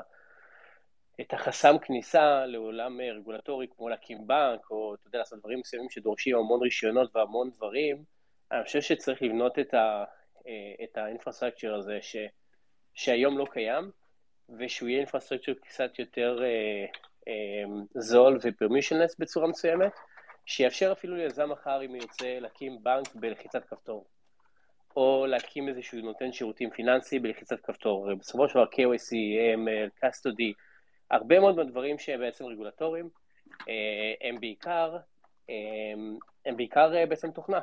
אפשר להסדיר את זה בסופטוור. ואפשר אה, להפיק הרבה מאוד מהדברים הרגולטוריים האלה בעצם איזשהו סט, ש... סט מסוים של, של תוכנה. בסוף אתה יכול לבוא ולהגיד, אני לא מתעסק בקאסטדי, אני מאשר לפיירבוק לעשות קאסטדי, ואני לא מתעסק ב... ב-KOC וב-ML, אני בוחר מאחד מעשרה ספקים שלצורך העניין מאושרים במדינה שלי, או מאושרים ב space שלי, ואני לא עושה את זה ולא עושה את זה, אבל אני כן מתעסק בשיווק ובערך מוסף. זה משהו שלא קיים היום. אה, אני חושב שדבר כזה בעוד 10-15 שנה יוכל לאפשר בעצם להרבה מאוד יזמים להיכנס לדברים ולעשות דברים שהיום הם לא יכולים, כי צריך לגייס איזה כמה מאות מיליון דולרים כדי לעשות את זה. לא סתם אין בנק חדש בישראל, חוץ מהבנק האחרון שהוקם אחרי 40 ומשהו שנה, שזה די, אה, די מטורף כשאתה חושב על זה. שאף אחד לא כן, בסדר. כן, אני, אני מסכים 90% למה שאמרת, לא בטוח שאני רוצה שאנשים שהם uh, היו בקריפטו ובעלים של קבוצת כדורגל יוכלו להקים בקלות בנק, אבל, uh, אבל אני, אני, אני מבין מה אתה אומר עם הם לא עברו KYC, הכל טוב. לא כן. לא עברו ML. כן. אבל... אה, אבל אני, אני מסכים עם הגישה הכללית שלך. כן, אני חושב שאם אני לוקח את מה שאמרת מקודם, כאילו להמשיך מה שאדם אומר, אבל אמרת מקודם שפעם הייתי צריך להקים שרת, והייתי יודע בדיוק איפה השרת הזה נמצא, ועכשיו יש לך כזה instance שאתה עושה deployment באיזה AWS או Azure, וזה ממש ממש פשוט. אז הרבה מהדברים שקורים כזה ב Web 3 זה שאת כל הדברים האלה, וה, והחלקים בוא נגיד, העמודי תווך הפיננסיים האלה, אתה יכול לבנות lending protocol ולהשתמש ב backend שלה, ואתה יכול לבנות, אה, אה, אה, לא יודע, אה, החלפה בין אה, מטבעות, אה, אה, אה, אה, לא יודע, אה, אה, Forex, ואתה יכול לעשות את הכל כאילו במין front-end שאתה בונה, שמאחורי הקלעים זה משתמש במלא מלא פרוטוקולים שהופכים את הכל אה, להיות, אה, אה, בוא נגיד, מאוד קל אה, אה, להשתמש, לעשות לו אינטגרציה. אני חייב להגיד לך משהו, אבל... נו. אני, אני, אני הייתי השבוע. השבוע, שבוע שעבר, הייתי בחדר בבנק, אה, שבו היה את כל ההנהלה ואת כל הבורד של הבנק. בנק בישראל. ו... והיה שם סשן של שלוש שעות, שהראו לבנק יוניסוואפ, והראו לבנק העברות קריפטו, ודריבטיבס, וזה וזה וזה. ואז החדר מתחלק לשניים. אה, או אולי שלושה. יש כאלה שהם כבר בפורקס השביעי והם לא מבינים למה אתה אוכל להם את הראש. הדבר הזה, אה, לך תשחק וורטנייט עם הבן שלהם. החלק השני זה אנשים שאומרים, אה, אני לא מבין מה אתם רוצים, כאילו, ה-FX של הבנק הוא ב-0.001. כן, אנחנו מעלים את זה כשאנחנו גובים מהלקוח אחוז, אבל זה כי זה המודל הפיננסי שלנו. ודריבטיבס, כאילו, אנחנו יכולים להציע מינוף, אנחנו יכולים להציע, הם, הם כאילו, יש את החלק הזה שהם פשוט לא מבינים, אומרים, אני לא מבין מה אתם רוצים, כאילו, יש לנו את כל המוצרים האלה, מה, כי זה לא פתוח 24/7, זה הבעיה שלך? זה, זה החלק השני. תשמע, אני רוצה להעביר, ווטאבר, אני רוצה להעביר אלף דולר לארה"ב, הבנק לוקח לי 24 דולר, עוד לפני שבכלל התחלתי, לוקח שלושה ימי עסקים במקרה הטוב. אני לא חושב שזו הבעיה, אבל אתם מסתכלים על זה מהצד של קונסיומר, אני חושב ש... לי, לי גם הייתה הרצאה, אני מעביר הרצאות לווב שלוש של הרבה מאוד בנקים, ובבנק האחרון אה, הגיעו איזה 30 או 40 אנשים שזה די, אה, די, די הפתיע אותי, כי היו הרבה מאוד אנשים שרצו לשמוע על איך אני רואה לפחות חווה את ווב שלוש, ואני תמיד מדבר מהצד של יזמות. פלא שהסניף סגור כעת, אתה מבין? לקחת לא, את כולם. באו, כל הסמנכ"לים, innovation, capital, AML, KYC, כל, כל מה שאתה לא רוצה וזה. אני חושב שבאתי ודיברתי איתם בעיקר על, על innovation ועל זה ש Web 3 בא לפתור בעיות מסוימות ש, שראינו ב Web 2 שלא היו קיימות ב Web 1, ו, ואני לעולם לא מדבר בכלל על הצד הקונסיומרי, כי זה לא מעניין, אתה יודע, 24/7, אז תהיה בורסה שתעשה את זה, 24/7, ויהיה מישהו שיעשה, ו, והיום, אתה יודע, market makers מאפשרים לך לסגור את הארביטראז', את הארביטראז' בין כמה בורסאות מסביב לעולם, יש, יש המון פתרונות. אבל אני חושב שהבעיה הכי גדולה שיש כרגע היום, שהיא די מתחברת למה שאמרתי מקודם, זה שהחסם להקים חברה באמת innovative ב payment או innovative בכלל בעולם הפיננסי, אה, הוא, הוא מאוד גבוה. ו, וככל שאנחנו מתקדמים בכלל להקים דברים אה, חדשים שהם אינובייטיב, אה, בלי לבנות מעל איזה פלטפורמה קיימת כמו פייסבוק או כמו כל חברה אחרת שדי שולטת לך בעצם באינטרנט שלך, הוא די גבוה החסם הזה. ואני רואה את ווב 3, איכשהו קורא תיגר על כל, כל העסק הזה. אני לא יודע מה יהיה בעוד 5 או 10 שנים, אבל אני חושב שיש פה איזשהו משהו מעניין, שיכול להיות שיסדר מחדש את איך שדברים אה, בעצם משתלטים. אתה יודע, זה או שיבוא רגולטור וישבור את פייסבוק לאיזה 20 חתיכות ואת גוגל ל-50 חתיכות, ואז בעצם מנסה, אתה יודע, בצורה רגולטורית אה, כזה להוריד את החסמים האלו, שאני לא חושב שזה יקרה, יש יותר מדי אינטרסים, יותר מדי לובים. או שזה יבוא מהצד השני, שפשוט עניין אינוביישן, שיש סייקל חדש, כמו שהווב 2 וווב 1, שפשוט יבוא ו, ועם הזמן אולי יאפשר בעצם להוריד את החסמים האלה ויאפשר ל, ליזמים קטנים לבנות דברים, ואולי עם הזמן, עוד פעם, אנחנו נייצר גם בעיות חדשות שיבוא ווב 4 וינסה לפתור אותן. אבל אני, אני רואה את כל הדבר הזה. למה היית בנק מעניין יזמים קטנים? אמרת שאת הבנק זה לא עניין, לא נכון? לא, הבנק מאוד עניין אותו לשמוע על ווב 3 ובכלל לשמוע על אינוביישן ועל החסמים האלו. אני חושב שהבנק בכלל הופתע, כי עד היום, כשהיו באים אליו לדבר על קריפטו, דיברו איתו על ביטקוין ודיברו איתו על אסטים, דיברו איתו על כל מיני דברים מסוימים, ואז פתאום באתי ודיברתי איתם בכלל על innovation ו entrepreneurship, ומה זה Web 3 ואיך זה הולך אה, בעצם להוריד חסמים ליזמים בעתיד, לבנות דברים. הנה, אנחנו כבר רואים איך אנשים בונים באתיריום, שאני עדיין חושב שזה סוג של sandbox. בנקים ובכלל אה, שחקנים גדולים, זה מעניין אותם יותר, כי כשאתה רואה בסוף את כל הגופים הגדולים האלה, במה הם משקיעים, לא מעניין אותם הצד הפיננסי של קריפטו, מאוד מעניין אותם הצד ה-innovation של Web 3. ש... ו... והם כולם מנסים להשקיע שם, וכולם מנסים בעצם להיות עם האצבע לדופק, כי הם מאמינים שה-disruption שלהם יבוא משם. אני יכול להגיד לך מה הייתה ההחלטה של הצ'רמן של הבנק. אה, אני חושב שאחד הדברים שאני גם תמיד אומר לקבוצות כאלה זה שתקשיבו, עזבו עכשיו רגע ביטקוין ודיפיי וזה וזה וזה. יש מערכות תשלומים ומערכות של כסף שאתם מחוברים אליהן. סוויפט, ספה, ACH, ווייר, שווה, לא משנה מה. אה, בלוקצ'יין היא עוד מערכת שמזיזה כסף. אם אתם לא מחוברים למערכת הזאת, אתם לא במשחק הזה, ואתם מפסידים טריליונים, ובהזדמנויות. אה, וזה הבוטום להם, אני חושב שגם ההחלטה שלהם הייתה בסוף, תקשיבו, אם אנחנו מבינים את זה או אם לא, אה, זה קורה, הנה הדוגמאות של בנקים רלוונטיים שעושים את זה, הנה use cases שיכולים להתאים גם לנו, בואו ניכנס. וזה, וזה משהו כיפי, כי הרי כזכור לכם, ב-2017 אם היית בא לבנק בישראל ואומר לו, אני רוצה לעשות איתך פרויקט בתחום הקריפטו, היה צלף מוריד לך את הראש בכניסה. אז, אז שינוי מרענן. רגע, מה זה השתנה? אני חייב... כן, זה היה... אולי הוא צולף בך עם... עדיין לא צולפים בך. כן, לא, אולי עם... לא, אה, אנחנו בשינוי, אנחנו במגמת שינוי. אתה יודע, לאומי יודע שהוא מוציא את זה.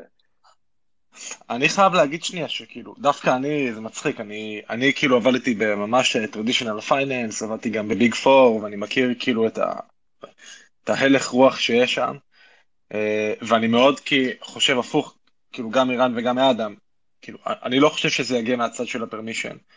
אני חושב, ש... אני חושב שאתה חושב על זה בצורה מאוד אבסטרקטית, וזה קצת יישמע פילוסופיה, כן, אבל אחד הטעויות לדעתי, כשאתה חושב על זה כזה ממש בהיי לבל על, על Web3, בלוקצ'יין, של קריפטו, אה, זה שאתה כאילו מנסים מאוד מאוד לדחוס את זה לעולם של, ה, של הבנקים ולעולם הפיננסי, אה, ובעצם, כמו שהאינטרנט, ועוד פעם, זה, זה הנאום VC הנדוש על, על Web 2 ו-Web 3 וזה, אבל גם האינטרנט, בסוף אתה ממש חושב על זה, ממש ב-high level, כאילו, אז אתה לוקח פיסות אינפורמציה ואתה מעביר אותם על כבל. לא משנה, חלק אתה יכול להשתמש לזה לאודיו, לוידאו, לכל מיני סוגים כאילו של מידע, אבל בסוף זה להעביר מידע ממש מהר ממקום למקום. זה מה שהאינטרנט עשה, כי גם יכלת להעביר מידע קודם, אה, ממקום למקום, פשוט הרבה פחות ביעילות, כאילו, יכלת לכתוב מכתב, המידע לא עובר כמו וידאו, לא משנה. ובעיניי כאילו שאתה חושב על מערכת שאתה יכולה, שמספיק אמינה, שאתה לא צריך את איזשהו פארטי כזה ש, ש, שאתה צריך לסמוך עליו, ופתאום היא מספיק טובה בשביל שתעשה את זה באינטרנט, ואנשים בכל העולם יכולים להתחיל לשתף פעולה סביב דברים פיננסיים, אז כאילו זה, זה המהות, וכאילו, ואני חושב שאתה מדבר עם ילדים קטנים, עכשיו אחיינית שלי בת שמונה קנתה קריפטו בדיוק באי תור והפסידה הכל, בנפילות, אבל, אבל, אבל היא הבינה מאוד מאוד מהר קריפטו, כאילו מבינים מאוד מאוד מהר NFTs, הם מבינים קריפטו, מבינים, מבינים נכסים דיגיטליים, ומבחינתם כשאתה שואל אותם, אותם שאלות כאילו של אה, מבחינתם, למה אני יכול לשלוח למישהו הודעה בוואטסאפ, אבל אני לא יכול להעביר לו כסף. עכשיו, היום המישהו הזה אולי הוא בישראל ואתה יכול להעביר לו ביט וכולי וזה כן אבל מחר המישהו הזה הוא באיזה צ'אט בצד השני של האינטרנט ומחר זה לא כסף אלא זה סתם איזשהו פריט דיגיטלי שמסמן משהו ומחרתיים אתה יכול לעשות עם הפריט הזה משהו ואז הוא מתממשק לזה לכלים ואנחנו מכירים את זה כדיפיי וכאילו בסוף כשאתה חושב מלמעלה על זה שהעולם הולך תמיד לכיוון גלובליזציה ובבסיס שלנו אנחנו אוהבים לשתף פעולה בני אדם ואנחנו רוצים דרכים יותר יעילות לשתף פעולה וזה בסך הכל עוד שלב אחד באבולוציה הזאת, ובנקים כאילו, בטח לא בישראל דרך אגב, שהמערכת הבנקאית בישראל מאוד לא תחרותית ביחס לעולם, אז כאילו, אני לא, אני לא מצפה שמישהו שם יבין את, את יוניסוואפ, כאילו, אבל האחיינית שלי תבין את יוניסוואפ. אה, בסוף הם, הם הנהגי כרכר, כאילו, נגיד והתזה הזאת של קריפטו היא נכונה, ואנחנו צודקים, וקריפטו זה הולך להיות ענק, וזה העתיד וכולי, אז כאילו, הם הנהגי כרכרות של, ה, של הדור שלנו, שמוחלפים במכוניות, זאת אומרת, הם האלה שמזיזים את הגבינה שלהם. והם מבקשים סוסים מהירים יותר, זה מה שהם מבקשים. אה, כן, אז, אז, אז אני לא מצפה כאילו, וזה מצחיק, אני ישבתי עם הרבה מאוד אנשים כאילו, ויש את השלב הזה שאתה מנסה לשכנע המון אנשים, שאתה כאילו מקבל את ה aha moment הזה, ואתה מנסה לשכנע מלא אנשים, והם מסבירים לך למה לא, ולמה כן, ולמה זה וזה, ו- ובסוף אתה הכי הרבה לומד כאילו על קריפטו, כשאתה מתנסה כזה באיזה אירוע כמו ConstitutionDAO, או כמה אירועי קריפטו כאלה, שאתה ממש מרגיש כאילו את הפוטנציאל של הכלים האלה, בלבנות מערכת שיתוף פעולה שהיא לא הייתה קיימת קודם, כי כמו שאדם אמר, כאילו, המחיר שלה היה גבוה מדי. זאת אומרת, אם אני רוצה אפילו לגייס כסף, לקנות את החוקה האמריקאית, או איזה אפילו, לא יודע, אה, קבוצת כדורגל, או אפילו סתם איזה פריט אספני, ואנחנו עכשיו חמישה חבר'ה מסתובבים לעולם, אנחנו לא יכולנו לעשות את זה, כי העלות של זה היא גבוהה, העלות הקואורדינציה הזאת היא גבוהה מדי, וברגע שהעלות קואורדינציה יורדת לאפס, ובגלל זה אני לא חושב ש... והנקודה השנייה היא שטכנולוגיה, אתה יודע, ברגע שהיא יוצאת מהקופסה מאוד קשה להחזיר אותה פנימה. אמ, אלא אם כן, לא זה נשק להשמדה מונית או משהו כזה שכאילו, אבל בדרך כלל כשאנשים מגלים איך משהו עובד והם רוצים להשתמש בו, אז מאוד מאוד קשה להחזיר את זה. אה, ובגלל זה אני חושב שהם ואני מדבר גם, אני, אני חברים טובים שלי בסולידוס לאב, שבליבה של הרגולציה בארצות הברית, ואני מדבר איתם הרבה, ועדיין אני חושב כאילו שבסוף, בסוף כשאתה חושב על זה מכל הכיוונים, ואתה ממש כזה מתאמץ וזה, זה מערכות שהן פרמישנס, זאת אומרת, מאוד מאוד קשה לאכוף אותן, ו- ו- ואיך שלא תתקוף את זה, יהיה לה רגולציה מאוד מאוד מאוד קשה to shut it down. אז אולי זה לא יתממשק, אולי הם ינסו להילחם בזה וזה כן יתממשק או לא יתממשק למערכות בנקאיות, אבל יהיה לך NFTs. זאת אומרת, איתריום ימשיך לרוץ ודברים ימשיכו להיבנות עליו, והנקודה האחרונה, כי אני קצת uh, מעריך במילים, אבל הנקודה האחרונה היא שדווקא המקומות שאני חושב שהאינובציה הכי חזקה, זה מקומות שבהם אין רגולציה. ואז אתה רואה באמת את הרבה מאוד איטרציות של ניסויים, למשל NFTs, כאילו, שלא יודע, מי חשב, כל ה-apes וכל מה שקרה שם השנה, כאילו, מה-PFP, זה היה התפוצצות של חדשנות. ו- וזה דווקא קורה באזורים שכאילו אנשים יכולים לעשות מה שבא להם, ו- וגם יש אנשים שנפגעים, ואז הרגולטורים באים וכולי, אבל עדיין, פתאום נולדים שם המון המון דברים, וכאילו, מי יודע, הזרעים שנשתלו השנה סביב הניסויים האלה, מי יודע לאן הם יבשילו עוד שלוש או ארבע וחמש שנים. טוב, בסדר, אני אשקיע בקרן. כדאי לך. כבר פספסת, גולדי, עזוב. קרן שלישית ב bear market הבא אולי תוכל להשקיע. לדעתי יש פה קצת... אה, בעצם כל, אה, כל פתיחה של קרן שלכם, אדם, היא בעצם סוג של leading indicator ל bear market. בדיוק, כן. אנחנו תמיד מגייסים, תמיד מגייסים ב peak של ה bull, ואנחנו משקיעים ועושים deployment ב bear market. זה, אגב, זה, זה, זה, ככה זה קרה ב-2018, רק ששם לא הסכמנו לעשות lock-in לכל, ה, לכל הכסף שגייסנו לקרן הראשונה, ו... אה, כל מי שבעצם רוצה להשקיע בקרן הפך להיות הרבה יותר עני ממה שהוא היה, ולכן סגרנו גם קרן הרבה יותר קטנה ממה שחשבנו. אה, אבל לפחות בקרן הזו השכלנו, ואנחנו אה, יוצאים ל bear market הזה מחוזקים והרבה מאוד כסף לעשות deployment. לא שאנחנו נעשה ב valuations גבוהות ובקצב מסחרר, כן? אבל זה מאפשר לנו בעצם להסתכל על השוק בצורה, בצורה טובה ולשים כסף איפה שאנחנו מאמינים שהשוק יתקדם בחמש שנים קרובות. כן, רגע, גולדי, אז יש איזושהי שאלה, אני חושב ממש טובה מהקהל. אמ, על איזה, איזה כיוון היית מצ... ממליץ להסתכל עכשיו? איזה בעיה לדעתך יש היום בתוך העולם הזה, שזה ממש זמן חם לפתור?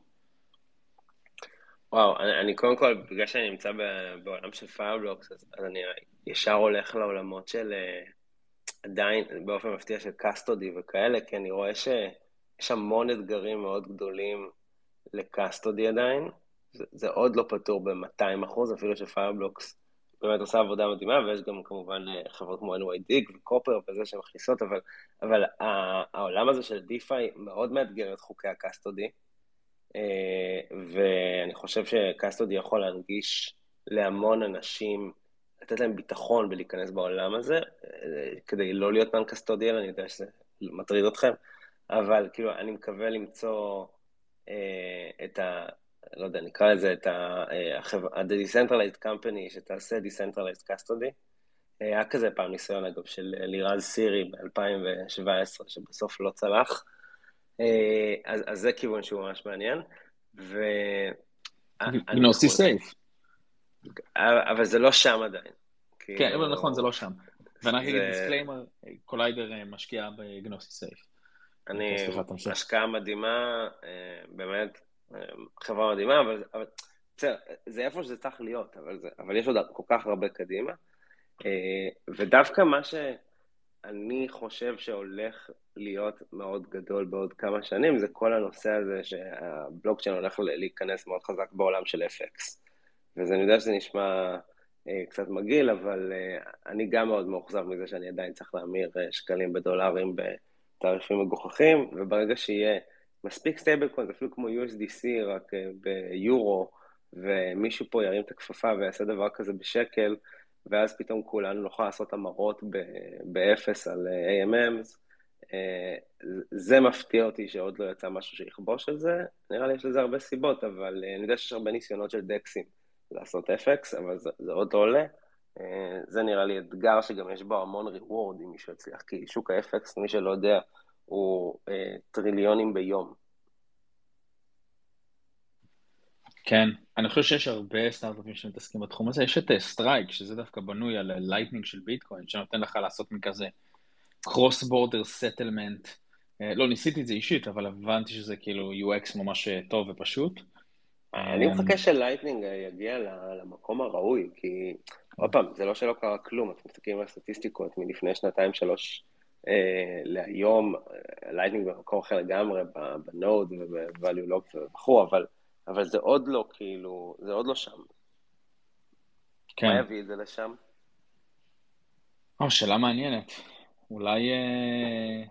layers 2 יעקוף אותו בסיבוב עוד רגע, ואז כן, לא יהיה אכפת לאף אחד מ Lightning חוץ מלביטקוין maximalist.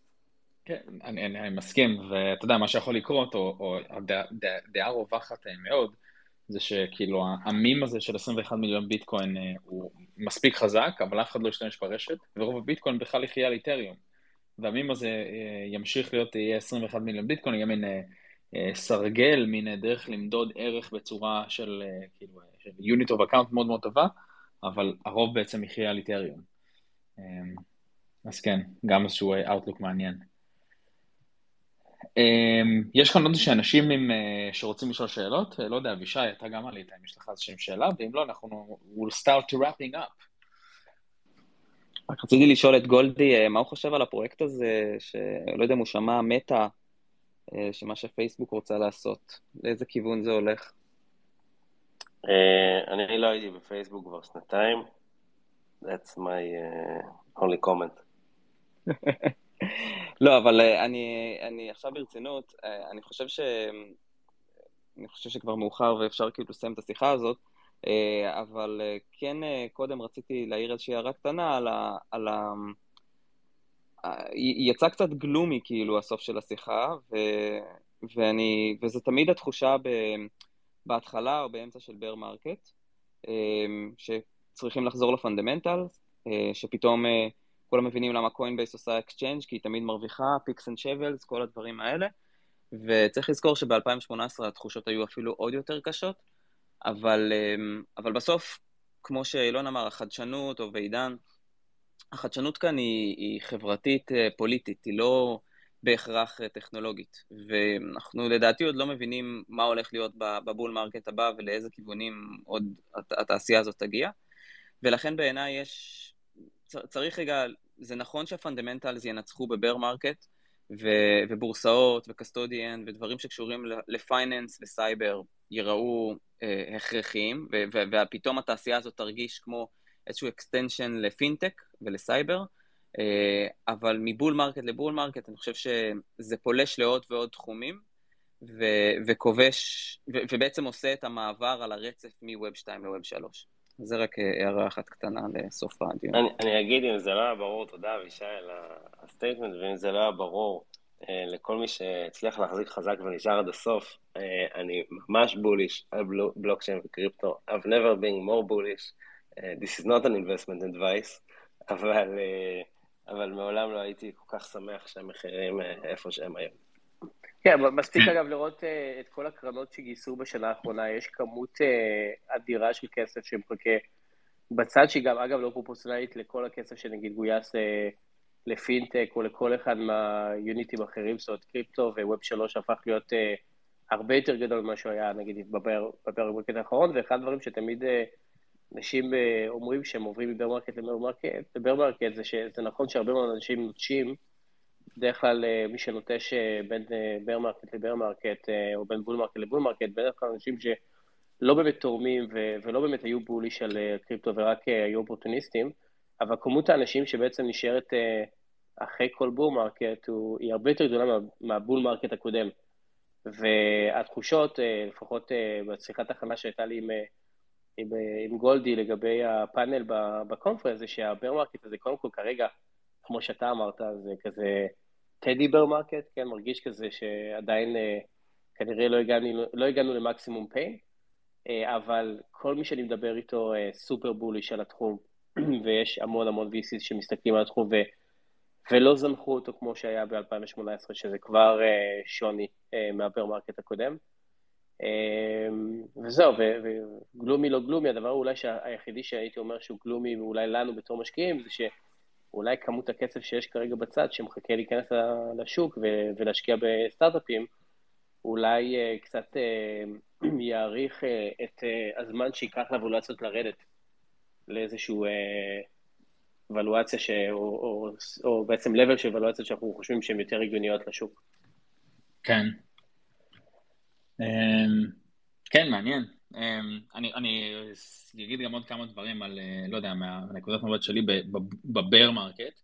Um, אז אני, יש לי זיכרון מאוד מאוד אה, ברור מ-ETHDenver ב-2020, שזה בפברואר, בעצם 2020, חודשיים לפני, או אפילו חודש פחות לפני ה crash המטורף הזה שהיה במרץ, ושם באמת הכל היה יבש ולא היה, לא היה שום דבר שקרה, וישבתי עם, אה, עם סטני קולצ'ב, שהוא חבר טוב ובנה את אה, Aave, עם מריאנו קונטי מ Maker ועם אמין סולימני, וממש אמרנו כאילו אין, איתריום זה פשוט חבורה של אנשים שכאילו משחקים עם hot potato, וארבעה חמישה אנשים, אף אחד לא, כאילו אין באמת אנשים בחוץ שמשתמשים בזה, ואז, אה, אתם יודעים, אה, חודש וחצי אחרי זה כל השוק התרסק לחלוטין, וחצי שנה אחרי זה התחיל כזה DeFi summer והכל אה, חזר חזרה.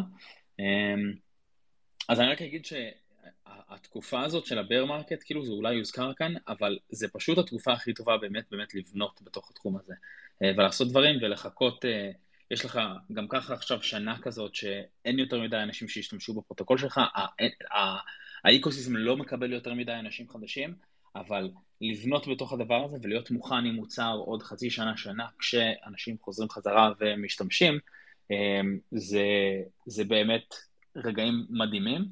אמ, וכן, מוזמנים אה, כמובן לבוא ולדבר איתנו, להתייעץ למחשבות על איזה סטארט-אפים לפתוח בתחום, ואנחנו יותר מנשמח אה, לעזור. ורגע, אבישי, רצית להגיד משהו?